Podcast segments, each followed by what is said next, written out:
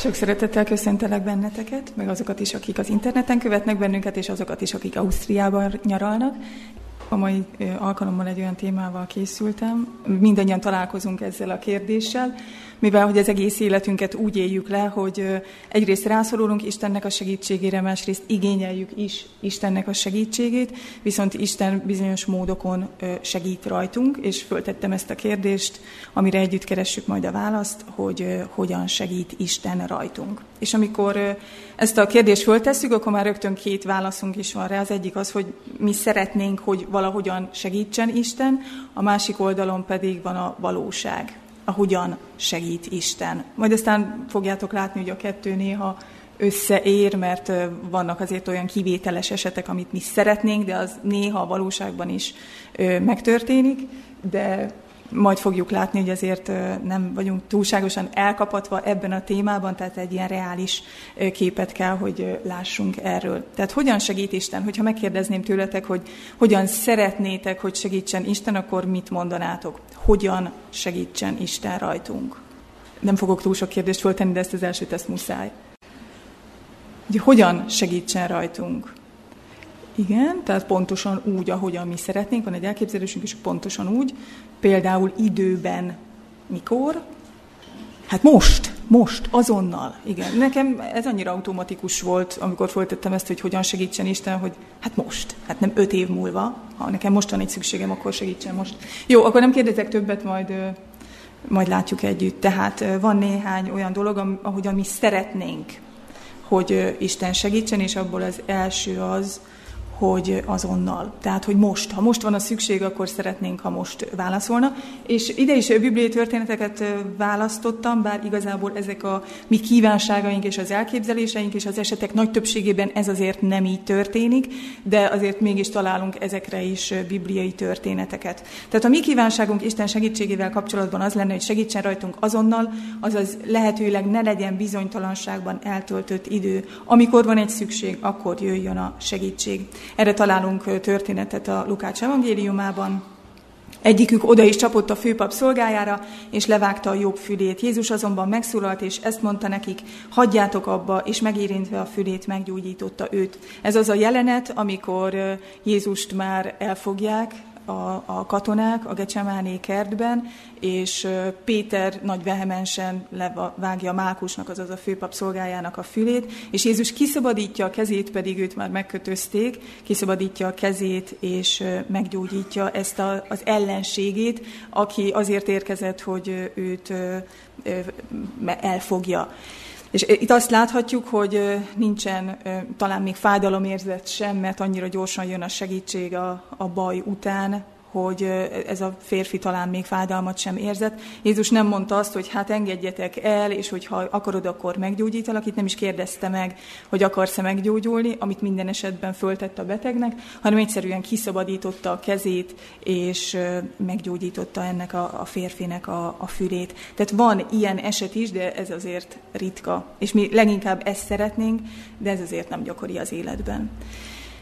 Tehát újra tegyük fel a kérdés, kérdés, hogy hogyan szeretnénk, hogyan segítsen rajtunk Isten, és biztos, hogy ha tovább gondolkozunk rajta, akkor mindannyiótoknak eszetekbe jut majd az, hogy szeretnénk, ha a segítség tökéletesen érkezne. Tehát ha valaki beteg, akkor nem elég az enyhülés, nem elég, ha csak egy kicsit pár napig jobban érzi magát, hanem teljes gyógyulás kell. És erre is találunk azért példát a Bibliában, igaz, hogy nem sokat. Ézsaiás könyvében olvassuk Ezékiás királynak a betegségének a történetét. Abban az időben Ezékiás halálosan megbetegedett. Ézsaiás proféta, Ámos fia elment hozzá, és ezt mondta neki, így szól az Úr, rendelkez házadról, mert meghalsz, nem maradhatsz életben. Ekkor Ezékiás arcát a fal felé fordítva imádkozott az Úrhoz, és ezt mondta, Óram, ne feledkezz meg arról, hogy én híven és tiszta szívvel éltem előtted, és azt tettem, amit jónak látsz. És Ezékiás keservesen sírt. Azután így szólt az Úr igéje Ézsaiáshoz, menj és mondd meg Ezékiásnak, így szól az Úr, atyádnak, Dávidnak Istene, meghallgattam imádságodat, láttam, hogy könnyeztél, ezért megtoldom napjaidat még 15 évvel.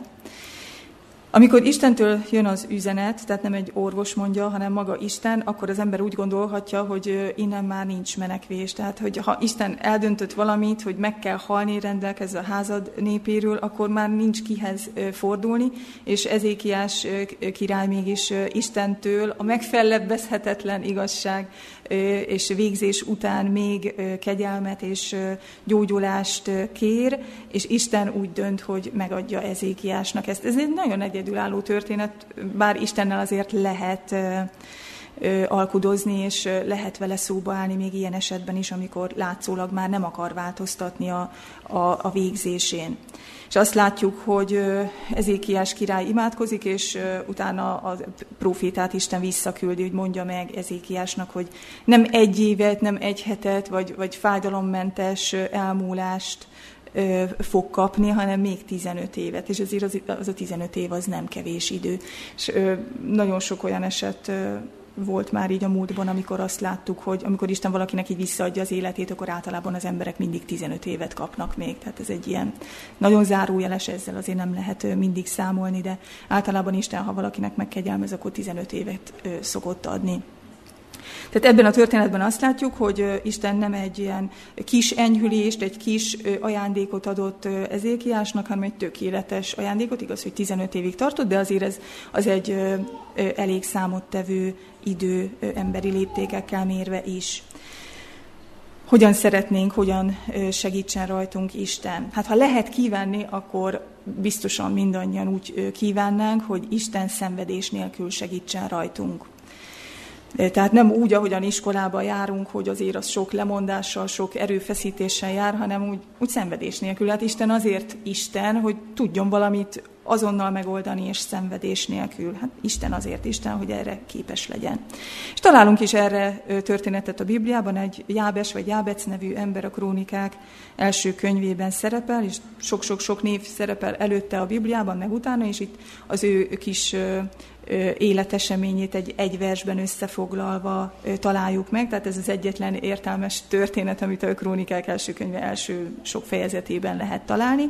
Így szól az ő története, Jábéc segítségül hívta Izrael istenét, és ezt mondta, bárcsak nagyon megáldanál engem, és kiszélesítenéd határomat, velem lennél, és megoltalmaznál a bajtól, hogy ne érjen fájdalom, és megadta neki Isten, amit kért. Maga a kérés az hát nem furcsa, mert ezt mindannyian szeretnénk. Szeretnénk áldást kapni, szeretnénk széles határokat kapni, szeretnénk, hogyha Isten mindig velünk lenne, és általában úgy, hogy még érezzük is, hogy velünk van. Szeretnénk, ha Isten minden bajtól megoltalmazna, tehát nem csak úgy, hogy ö, kegyelmesen kapjuk a csapást, hanem hogy oltalmazzon meg a bajtól, és szeretnénk mindannyian fájdalommentesen élni az életünket. Tehát ez mindannyiunknak a, a kérése vagy vágya lehetne, és Isten sok esetben megadja, sok esetben pedig föltesszük a kérdést, hogy de miért nem. És ez a történet egy olyan férfiről szól, aki ha csak egyet kért volna ezek közül, és azt megkapta volna, akkor is már gazdagon megajándékozott lett volna, és Isten ezeket mind megadta neki. Tehát megadta az áldást, megadta a széles határokat, az azt jelenti, hogy esetleg sok ember életére lehetett hatással. Isten vele volt, de valamilyen kézzelfogható és látható vagy érezhető módon, mert hát mindannyiunkkal velünk van, de valami pluszt kért ez a férfi és valószínűleg, vagyis hát megkapta, mert azt írja a szöveg, hogy megadta neki Isten, amit kért, és még a bajoktól való mentességet és a fájdalomtól való mentességet is megkapta. Tulajdonképpen, ha kellene egy férfit vagy egy embert keresni a Bibliában, aki a leggazdagabb volt, vagy a legtöbb ajándékot kapta, akkor Jábes vagy Jábéc lenne az, aki a, legtöbb mindent kapta Istentől. És olyat is megkapott, ami azért sok embernek nem nem jár ki, vagy nem élvezi az életben. Tehát még erre is van példa, de majd fogjuk látni, hogy ennél azért a nagy átlag reálisabban kapja segítséget. És akkor még lesz két, két ilyen kívánságunk. Tehát ha megkérdezzük magunktól, hogy hogyan szeretnénk, hogyan segítsen rajtunk Isten, akkor biztosan mondanák azt is, hogy hát nagy csodával. Mert nem azért vagyok én hívő, hogy az én életemben semmi se történjen, vagy csak kis csodák történjenek, hanem történjenek nagy csodák. És egyébként sokszor mások meg is szokták kérdezni, hogy hát az Istened nem segít, hát akkor miért vagy te kapcsolatban Istennel, ha nem, nem tesz érted csodát. Tehát, hogyha ha teljesülni az, amit szeretnénk, akkor én biztos, hogy kérném azt, hogy mindig nagy csodával jöjjön a segítség. Mint ahogyan van is rá példa Józsui könyve 10. fejezetében, és veszteg maradt a nap, megállott a hold is, míg ellenségeim bosszút állt a nép. Megvan ez írva a Jásár könyvében, megállt a nap az ég közepén, nem sietett lenyugodni egy teljes napig. Ez az a történet, amikor a gibeoniták, tehát a honfoglalás után a gibeoniták csellel, áruhába öltözve és morzsás kenyeret a tarisznyájukban morzsás kenyérrel a tarisznyájukban beállítottak a Józsuéhoz és a vénekhez, és azt mondták, hogy szeretnének szövetséget kötni velük, és Józsué és a nép nem kérdezte meg. Isten szövetséget kötöttek velük, és néhány nap múlva kiderült, hogy ők kánaáni nép, és nem lett volna szabad velük szövetséget kötni, és akkor idáig nem is lett volna olyan nagy baj, mert a szövetség az olyan komoly, hogy azt annak ellenére vállalniuk kellett, hogy tudták, hogy hazugságárán szerezték meg a gibeóniak, de a következő fejezetben azt olvassuk, hogy hogy a gibeóniakat megtámadták a kánaániak, és a gibeóniak segítséget kértek Józsuétól, és Józsué ment, és a, a néppel a hadsereggel segített a gibeonitáknak, és nem az lett a történet vége, hogy hát sajnos így alakult, látjátok, hogy hát nem kellett volna csellel megszerezni ezt a szövetséget, mi próbáltunk segíteni, ott voltunk, de hát sajnos vereséget szenvedtünk, hanem Józsué azt mondta, hogy igazából egy napig kellene még folytatni ezt a harcot, de ahhoz viszont egy hatalmas csoda kell. De ha egy napig még harcolunk, akkor le tudjuk verni a mi szövetségeseink ellenségeit, akik igazából a mi ellenségeink, mert a kibeóniak ellenségek lettek volna, csak hát a csellel megszerezték a szövetséget. Tehát csak egy napig kellene tovább harcolnunk, és akkor sikeres lesz ez a háború. De nem úgy gondolkozott Józsué, hogy hát azért ekkora csodát mégse kéne kérni, vagy hát úgyse kapom meg, ahogy a mi szoktuk sok, so, sokszor lehiggasztani magunkat, hogy hát igen, most kéne egy jó nagy csoda, de hát ennek nem nagy esélye van, és akkor nem is kérjük. Azt mondta Józsué, hogy maradjon veszteg a nap és a hold, és Isten teljesítette ezt a kérését, csak azért, hogy a, a volt ellenségeit, akik most már a szövetségesei lettek, meg tudja menteni. Tehát amikor én gyerek voltam, akkor ismertem ezt a történetet, ezt azért a gyerekiskolában elmondják, és én mindig azt hittem, hogy Izrael népéért tette Isten ezt a nagy csodát. És még akkor is nagy lenne hogy megáll a nap, megáll a hold, és Isten megszabadította a saját népét ilyen nagy csodára, de ezt Isten nem is a saját népért tette, hanem egy, egy hazug népért, akik segítséget kértek Isten népétől. Szóval Isten még akár az ellenségen is tud ilyen nagy csodával segíteni, hogyha az az ellenség a szövetségesévé akar válni Istennek. És az utolsó ilyen elvárásunk, és akkor utána majd rátérek a realitásokra is, hogyha fölteszik nekünk a kérdést, hogy hogyan szeretnénk, hogyan segítsen rajtunk Isten, akkor biztosan mindannyian eljuttok oda, hogy hát szeretnénk, ha a segítségei véglegesek lennének. Tehát nem öt percet segítséget kapnánk, vagy öt naposat, vagy öt éveset, hanem, hanem olyan véglegeset, amit most megkapok, és soha-soha soha többet nem veszítem már el. És erre is van példa a Bibliában, az egyik legszebb történet, és az egyik legrövidebb is, Énók az Istennel járt, és egyszer csak eltűnt, mert magához vette őt Isten. Ha megkérdeznék, hogy ki a legidősebb ember a világegyetemben, akkor mondjuk Jézuson kívül kit mondanátok? És nagyon könnyű, ott áll a táblán, Énók. Énók a legidősebb ember, mert ő megszületett valamikor a ezer évvel a teremtés után, és még mindig él, tehát nagyjából ilyen 5000 éves csak most már nem ebben a dimenzióban él, mint mi, de ő nem halt meg. És milyen érdekes az, hogy Isten kitüntetett két embert az emberi nemzetségből, a 6000 éves emberi történelem alatt két embernek megadta azt, hogy, hogy nem kellett meghalniuk, és nem is kellett megvárni azt, hogy meghalljanak, és majd a feltámadás hajnalán Isten vagy Jézus elvigye őket a mennybe, hanem azt mondta Isten, hogy én nem várok már olyan sokáig, hanem én ókot és illést már most a, a mennyben akarom látni. És Énók megkapta ezt az ajándékot, Isten elvitte őt a mennybe, és nem kellett sohasem elveszítenie. Még arra az időre sem szüneteltette Isten ezt a mennyei lakhelyet, amíg Jézus itt a földön élt. Mert mondhatta volna Isten, hogy hát azért az igazságtalanság, hogy Jézus a földön van, ti meg már itt vagytok a mennyben, addig ti is menjetek vissza, Jézussal töltsétek el azt a 33 és fél évet, és majd, ha Jézus győz, akkor majd visszajöhettek, hanem ők folyamatosan már a mennyben éltek, arra, annak a, az ajándéknak és győzelemnek a, a, a, az eredményeként, amit Jézus itt a, a Földön megtett, ő értük és mi értünk is. Ez volt ez az öt dolog, amit biztosan szeretnénk azzal kapcsolatban, hogy hogyan segítsen rajtunk Isten, és ehhez képest van a valóság, amikor egy picit szolidabb formában kapjuk ugyanezeket. Tehát azt szerettük volna, vagy szeretnénk folyamatosan Istentől, hogy azonnal segítsen rajtunk, azaz most, de Istennél azért sokszor kell várni a segítségre, Istennél gyakoribb a később, mint az azonnal.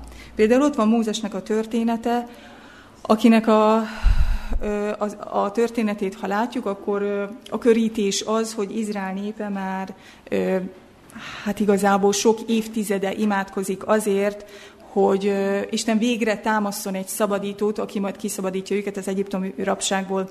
Mert a Mózes első könyve 15. fejezetében, amikor Isten Ábrahámmal beszélget, és azt mondja neki, hogy 400 évig fogja egy idegen nép elnyomni a népet, akkor az a 400 év onnan értendő Ábrahámtól, tehát ettől a beszélgetéstől, amikor Isten ezt mondja Ábrahámnak, onnan indul a 400 év, és akkor a végére egy rejtélyes módon 430 lesz belőle, amit igazából nem tudom, hogy bárki tud-e, hogy miért 430 és nem 400, de az a lényeg, hogy a a megígért 400 év az nem az egyiptomi rabszolgasság, hanem a Ábrahámmal való beszélgetéstől indul. Tehát maga a rabszolgasság az ilyen 215 év volt állítólag sokak számítása szerint, én ezzel egyetértek.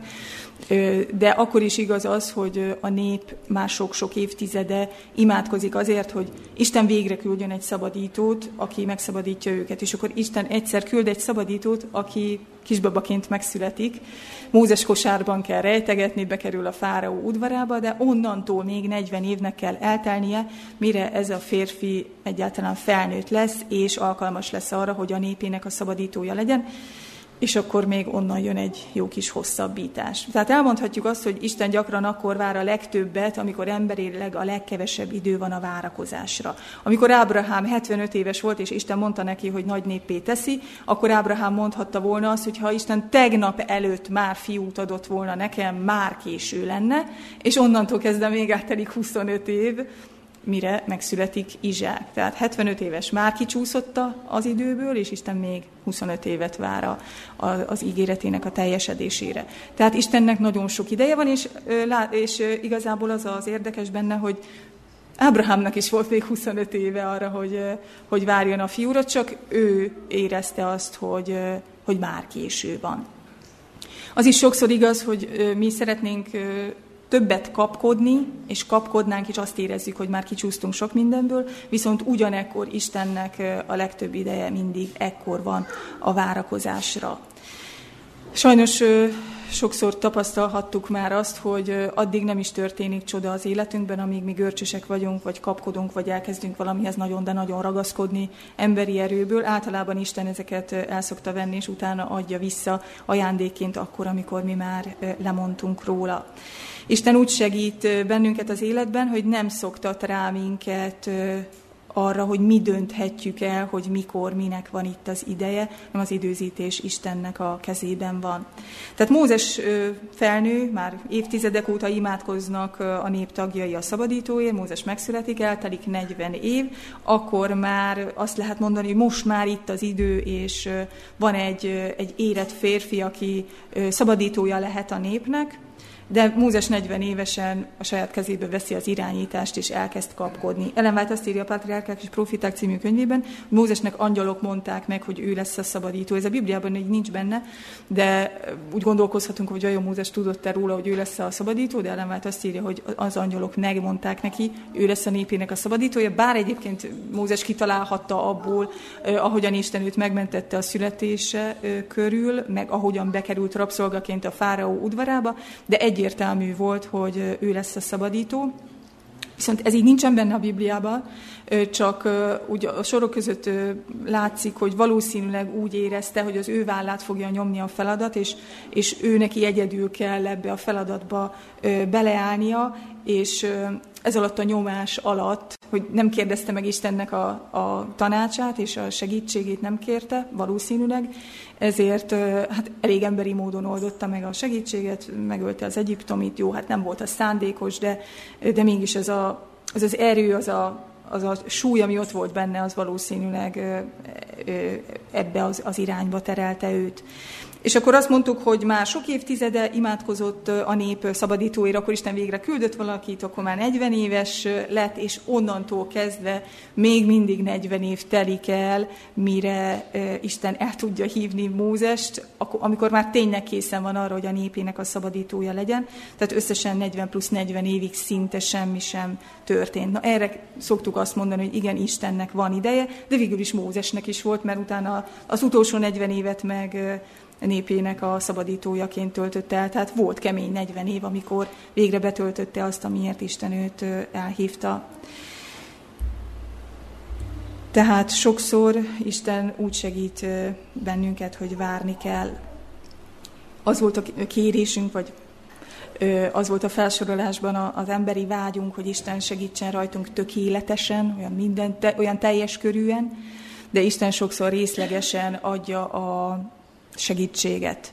Én azt a címet adtam ezt a történetnek, hogy az élet problémás, ha az örök élet hajnala előtt támadtál fel. És egy feltámadási történetbe csöppenünk bele a János Evangélium a 12. fejezetében. Jézus tehát hat nappal húsvét előtt elment Betániába, ahol Lázár élt, akit feltámasztott a halottak közül. A főpapok pedig elhatározták, hogy Lázárt is megölik, mert a zsidók közül sokan miatta mentek oda és hittek Jézusban. Ha valaki nem ismeri a történetet, akkor is már ebben benne van az, hogy ez Lázár feltámadása után zajlik. Jézus egy ember támasztott fel nagyon nagy nyilvánosság előtt, mert Jairus lányát hat fő, illetve a három tanítvány volt vele, János, Jakab és Péter, plusz a Jairus lányának, a, vagy tehát Jairus és a felesége voltak ott, amikor Jairus lányát föltámasztotta, plusz Jézus, tehát ez egy kis körben történt feltámadás volt. Amikor a Naini özvegy fiát támasztotta fel Jézus, akkor ott nem tudjuk, hogy hányan voltak jelen, de egy, egy családi temetés volt az, amire ők igyekeztek, tehát nem volt túl sok ember ott egy özvegyasszonynak nem volt sok rokona, tehát lehet, hogy egy-két ember volt csak, akinek a szeme látára Jézus feltámasztotta a naini ifjút, viszont itt Lázár feltámadásánál valószínűleg az egész falu oda lett, és ez már nagyon közel van Jézus kereszt halálához, és eddigre már nagyon sok haragosa és ellensége van, és az emberek Lázárt is sokan ismerték, Jézusra is kíváncsiak voltak, és biztos, hogy nagyon, de nagyon sokan voltak jelen ennél a feltámadásnál. És Jézusnak ez volt az egyik legnagyobb messiási jele, azért is, mert Lázár már három napja halott volt, és az volt a közhiedelem, hogy három nap után már senki nem támad fel, és egyébként a Bibliában egyetlen egy ilyen történet van, a Lázár feltámasztásának a története, amikor Isten vagy Jézus nem aznap meghalt embert támasztanak fel, vagy valamelyik proféta. Tehát ez az egyedüli történet a Bibliában, amikor egy három napja halott ember támad fel. Ilyen következőleg csak a feltámadásnál lesz, hogy nem egy egynapos halott támad fel. Majd nézzetek, utána egyébként tíz feltámadási történet van a Bibliában, és mindenki akkor támad fel az nap, amikor meghalt, már később nem, egyedül Lázár.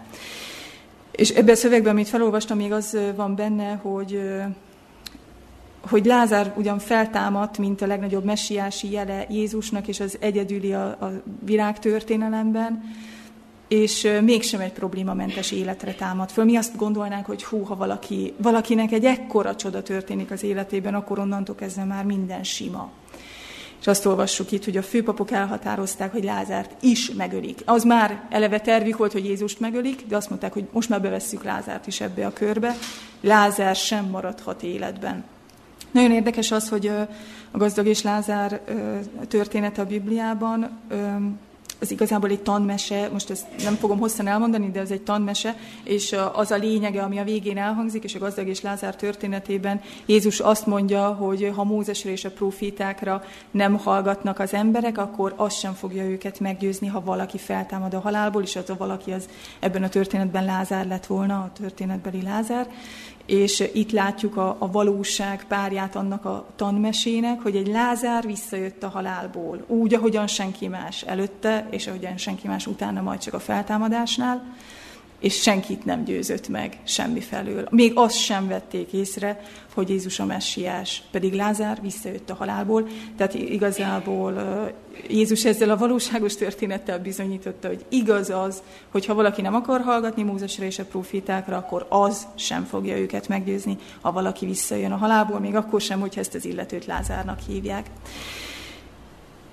Ez a történet, Lázár feltámadásának a története, ahogy mondtam, egyedülálló. Mária és Márta nagyon szerette volna, hogyha Jézus, ha, igen, ha Jézus feltámasztja Lázár, de igazából nem támasztottak semmiféle igényt, csak annyit mondtak, hogy ha itt lettél volna, nem halt volna meg az én testvérem. Viszont nem oldott meg Lázár feltámadása semmit, mert a zsidók ezután már Lázárt is meg akarták ölni. Nagyon érdekes az, hogy a négy evangéliumból Máté, Márk és Lukács nem írja le ezt a történetet, pedig ez az egyik legfontosabb történet, de vajon miért nem? És azt mondják a tudósok, hogy azért, mert a Máté, Márk és Lukács evangélium elég korai evangélium, és a család veszélybe került volna, hogyha sokan olvasták vagy hallották volna ezt a történetet, és egyébként meg Lázár ellen hát nem volt túl jó a viszony, vagy Lázárral szemben nem volt túl jó a viszony, ezért Máté Márk és Lukács nem írja le az evangéliumában, hogy a, a, az az ellenszem, ami Lázárral szemben kialakult, az ne szítódjon tovább. Viszont a legutolsó evangélium, ami a leges legfrissebb, tehát a legkésőbbi az új szövetségi íratok közül a János evangéliuma, az viszont leírja, az már 60 évvel későbbi, mint a többi evangélium, mert addigra ez a család, az ebetániai Lázár már nem élt, nekik már nem lehetett többet ártani, viszont a történet meg annyira nagy, hogy ennek bele kellett kerülnie a Bibliába, és azért van az, hogy ez a hatalmas messiási csoda nem szerepel a korábbi evangéliumokban. Krisztus után 70-ben, amikor Jeruzsálem pusztulásakor a rómaiak mindent elpusztítottak, akkor Betánia is áldozatul esett, viszont később az arabok felépítették ezt a falut, és Lázár falujának nevezték el, ezzel állítva emléket annak, hogy ott egy nagy csoda történt. És mi ebből a tanulság nekünk? Lehet, hogy mi is találkozunk azzal, hogy meg kell szoknunk a gondolatot, hogy még halandóak vagyunk bár Jézus Lázárt föltámasztotta, de bennünket valószínűleg majd csak a feltámadás hajnalán fog feltámasztani. És ez azért van, mert bár Isten megtehetné, hogy vég nélkül hosszabbítja az életünket, mindig kis gyógyulásokat ad, és ezt megadja a végtelenségig, illetve Jézus eljöveteléig. Sokszor megteszi, de egyszer azt mondja, hogy eddig volt, és most már majd a feltámadás lesz a, a következő pillanat. Egy lelkész egyszer úgy fogalmazott, hogy egyszer elfogynak majd a, a csodák, de a legnagyobb csoda még azután jön, mégpedig a feltámadás. Tehát minden betegségünkből itt nem fogunk meggyógyulni, és nem leszünk mentesek minden nehézségtől, még Lázár sem volt, az pedig ő egyszer már feltámadt. Hogyan segít rajtunk Isten? Mi azt szeretnénk, hogy szenvedés nélkül segítsen, de a reális kép az, hogy Isten segít bennünket a szenvedésben. Az egy nagyon jó hír, hogy Isten csak megmért szenvedést enged meg, ahogyan Pálapostól írja az első korintusi levélben, emberi erőt meghaladó kísértés még nem ért titeket. Isten pedig hűséges, és nem hagy titeket erőtökön felül kísérteni, sőt a kísértéssel együtt el fogja készíteni a szabadulás útját is, hogy elbírjátok azt viselni. Pálapostól olyan korban mondja ezt, hogy emberi erőt meghaladó kísértés még nem ért titeket, amikor az oroszlánok, ö, mint veszély, vagy a cirkuszba ö, kerülés, ö, mint veszély, ö, az, az mindennapos volt. És Pálapostól nekik írja azt, hogy Olyan emberi erőt meghaladó kísértés még nem ért el benneteket, viszont ha jön, már pedig lehet, hogy jön, vagy valószínű, hogy jön, akkor Isten minden erőt, amennyi szükséges, meg fog adni hozzá azért, hogy, hogy elbírjuk azt viselni, és ez az egyik legfontosabb ígérete az új szövetségnek. Még mindig az ellenség földjén élünk, bár a mi hadvezérünk győzött, de még nem jött értünk. De ahogyan a szombatiskolán beszéltünk róla, a feltámadás az már önmagában bizonyítja azt, hogy ha Jézus feltámadta a halálból, akkor biztosan nem fogja itt hagyni az övét, hanem dicsőségesen értük fog jönni. A jobb történetéből pedig azt látjuk, hogy Isten megengedi a legtökéletesebb szolgájának, Jobbnak, aki Isten szerint tökéletes, nem sok ilyen ember van a Bibliában, Isten szerint tökéletes, mégis megengedi a nehézségeket az életében úgy, hogy Jobb még nem is tudja meg, hogy mi folyt a színfalak mögött, és nem tudta meg Jobb, hogy nem Isten volt az, aki aktívan akarta az ő ö, szenvedését vagy betegségét. Viszont nekünk könnyű, mert mi a Jobb történetét az elejétől a végéig ismerjük, és mi tudjuk, hogy nem Isten volt az, aki kibabrált Jobbal, hanem az ellenség volt, de Isten nagyon sokszor nem teheti azt meg, hogy, hogy kiveszi a sajátjait ebből a földi történelemből, és minden szenvedés nélkül ad nekik. Bár ahogy láttuk, volt rá példa, de azért nem általános. Nekünk ebben a történetben ez a részünk, hogy megbízunk Istenben, hogy az a legjobb, amit ő nekünk megenged, és a konkrét kérdéseinket pedig feltehetjük neki már az életünkben is, és van olyan kérdés, amire Isten már itt választad, viszont a, az igazi választ megtudhatjuk akkor, ha győzünk. Isten majd a Jézus eljövetele után minden kérdésünkre fog vele felelni, valószínűleg az ezer év alatt. És akkor még két apróság a végén. Azt kívántuk az elején, hogy Isten ha már Isten, akkor tegye meg, a, a, vagy segítsen rajtunk nagy csodával, de a reális az, hogy Isten sokszor ö, kis csodákat tesz értünk. Viszont ö, azt nem szabad elfelejteni, és ez a hála témakörében tartozik, témakörébe tartozik, hogy ö, attól még, hogy ö, kis csoda, de az is csoda. A Józsué könyvében azt olvassuk, hogy a honfoglalás után a manna pedig megszűnt a következő naptól fogva, hogy ettek a föld terméséből. Nem volt többé mannája Izrael fiainak, hanem már abban az évben Kánoán földjének a termését ették. Föltehetjük a kérdést, hogy hát most ennek miért kéne annyira örülni, hogy megszűnt a csoda. Ha visszatekintünk az Izrael népének a vándorlására, akkor azt látjuk, hogy eleve Isten hozott tíz csapás nekik, ez volt a kezdete annak, hogy Isten meg akarja őket szabadítani Egyiptomból. Utána a vörös tenger ketté vált, ami a tizenegyedik csapás volt a fáraónak, és ő sajnos ott is maradt. Azután Isten ö, vizet fakasztott nekik a sziklából, minden nap mannát adott, hatodik nap kétszer annyit, hetedik nap semennyit. Minden héten, minden nap megtapasztalhatták Istennek a hatalmas csodáját. Eddig voltak a nagy csodák, de most beértek Kánvánba, és azt olvastuk az előbbi szövegből, hogy ettek a föld terméséből, és másnap megszűnt a manna hullani. Hát most ennek miért kéne annyira örülni? Most ez, ez miért olyan nagy valami, hogy megszűnt a manna hullani? Hát az volt a nagy csoda, hogy 40 évig hullott. Most ez miért olyan nagy dolog, hogy végre megszűnt hullani? Majd egy picit kitérek erre. Majdnem 500 év telt el, mire a nép végre bejutott Kánaánba, bár az előbb említett szövegben, amikor Isten Ábrahámnak azt mondja, hogy 400 év múlva tér vissza ide a nép, abból lett a valóságban 430, és akkor onnan volt még egy 40 éves hosszabbítás a pusztai vándorlás miatt, tehát 470, csak figyeltem, hogy figyeltek-e, de én nem vagyok jó matekból, 470 év telt el, Úgyhogy majdnem 500 év, kicsit kerekítettem, 470, tehát a megígért 400-hoz képest azért 70 évvel hosszabb lett ez az idő, és végre megérkeztek Kánaánba, amit Isten már előre megmondott Ábrahámnak, szóval Isten, hogyha nagyon-nagyon nagy csodát te, akart volna tenni, akkor azonnali hatályért így odavarázsolta volna őket, és akkor kész már meg is van, nem kellett volna 470 évnek eltelnie. De ezt mind egyesével végig kellett járni, ebbe volt rabszolgasság, volt büntetésből kóborlás a pusztában, és minden. És végre megérkeztek Kánánba, végre ettek az első termésből, és másnap megszűnt a manna hullani. Miért olyan nagy dolog ez? Viszont itt a kérdés, hogy melyik a nagyobb, és itt lesz az a dolog, amit Kornél el akart mondani a szombatiskolán, úgyhogy nagyon ügyesek vagytok, hogy eddig kibírtátok, és már mindjárt vége. Melyik nagyobb mannát adni a népnek, vagy bevezetni őket végre Kánaánba. Mi melyiket mondanánk nagy csodának? Mannát adni a népnek minden nap 40 éven keresztül, vagy bevezetni őket végre Kánaánba? Melyik a nagyobb csoda nekünk? A manna? És szerintem is. Ez a jó válasz. Nekem nagyobb csoda lenne. Istennek melyik a nagyobb csoda? Mannát adni a népnek, vagy bevezetni a népet Kánaánba? Bevezetni a népet Kánaánba, ugye? Egyértelmű. És akkor itt van az a példa, hogy még gimnazista koromban kérdezték meg, aztán megtaláltam egy csomó helyen, ezt általában hitetlenek szokták a hívőktől megkérdezni, és hát tizenévesen az ember még nem olyan dörzsölt, hogy ilyen kérdésekre tudja a választ. Én kb. Hát 20 év után tudtam meg, hogy mi a válasz rá. Szokott-e Isten, vagy tud-e Isten olyan nagy követ teremteni, amivel utána maga sem tud mit kezdeni? Na, ez volt az, amit akartál, ugye? Na, gondolatolvasó vagyok. Tud-e Isten akkor a követ teremteni, amivel utána maga sem tud mit kezdeni?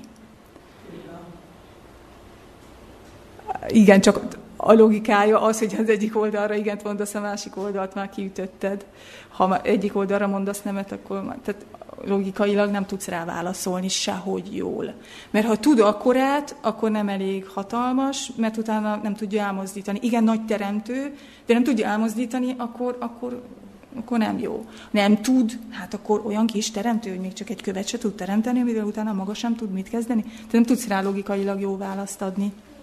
Matematikailag nincs rá jó válasz. Ilyenkor kell egy filozófiát váltani, egy másik területre kell átvinni a kérdést, és akkor ott meg már rögtön van értelme. Na tehát tud-e Isten olyan nagy követ teremteni, amivel utána maga sem tud mit kezdeni? Akkor nem tudjátok, mi a rá válasz? De jó, akkor volt értelme a mai napnak. Igen, tud, a kérdezőnek a szíve az egy olyan nagy kő, amivel Isten utána nem tud mit kezdeni. Ha valaki egy ilyen kérdést föltesz, akkor ő neki, ő nem Isten oldalán áll. És Istennek mindig az a legnehezebb, hogy hogyan tud közel férkőzni a mi kő szívünkhöz. Tehát melyik a nagyobb csoda, Isten mannát ad a népnek 40 éven keresztül, vagy pedig bevezeti őket végre Kánaánba.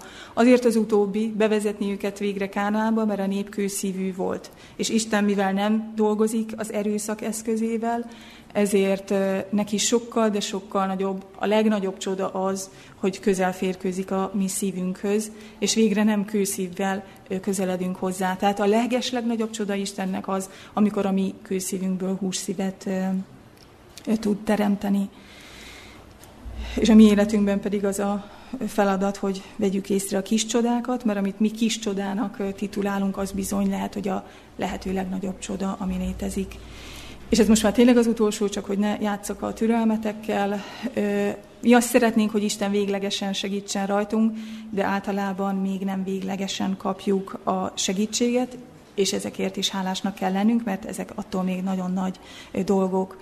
Még a Jézustól magától kapott csodák is mulandóak, és csak az örök élet tart örökké. Már sokat említettük, vagy említettem a, a történeteket, Jézus három ember támasztott fel a halálból, Jairus lányát, egy naini özvegynek a fiát és Lázárt, és ők közvetlenül Jézustól kapták, a látható Jézustól, aki tapasztalható volt, ott volt, ő volt az első, akit megláttak a, a feltámadásuk után, és mégis újra meg kellett halniuk. Nem kapták meg véglegesen a, a segítséget vagy a feltámadást, hanem az örök élet hajnaláig nekik is várniuk kell.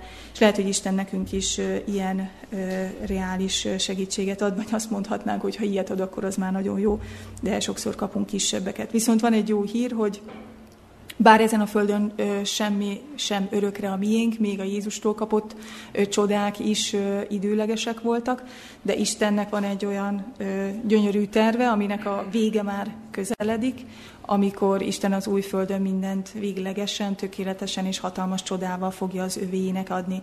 Azért véglegesen, mert ott már nem lesz olyan, hogy föltámadtunk ugyan, de újra meg kell halni.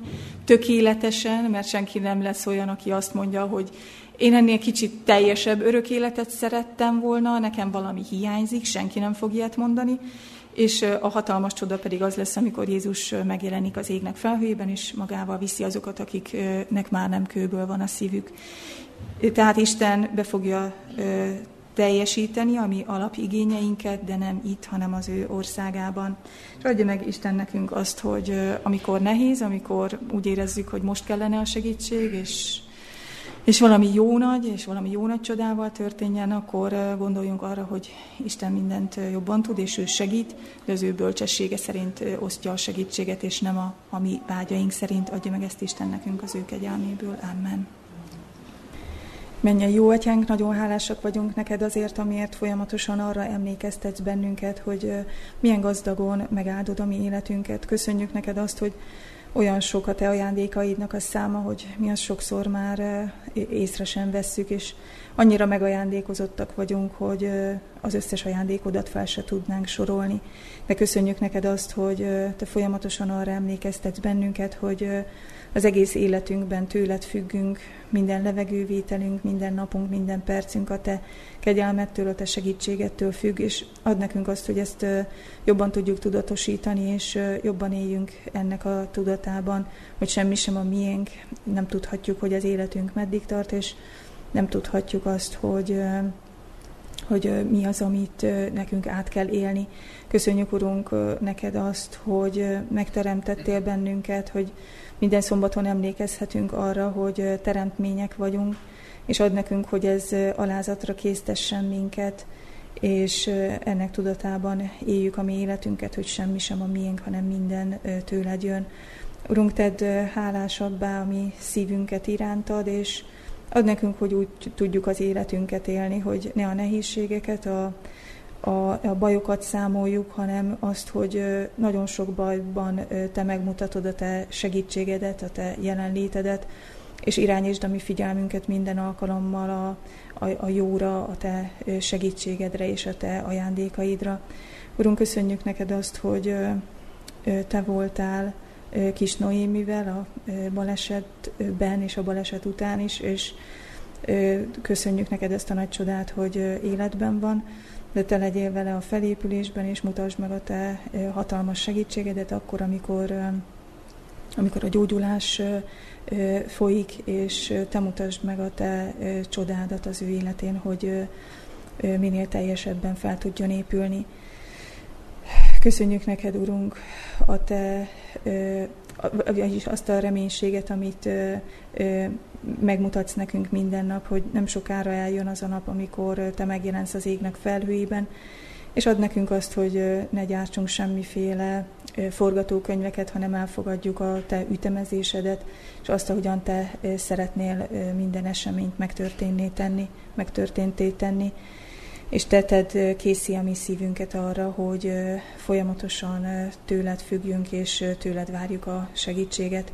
Köszönjük, Urunk, hogy megígérted, hogy aki elkezdte bennetek a jót, el is végzi a Krisztus Jézus napjára, és ad, hogy mindannyiunk életében teljesedhessen ez az ígéret a te kegyelmedért. Amen. Egy vers szolgálatot hallgassa meg a gyülekezet.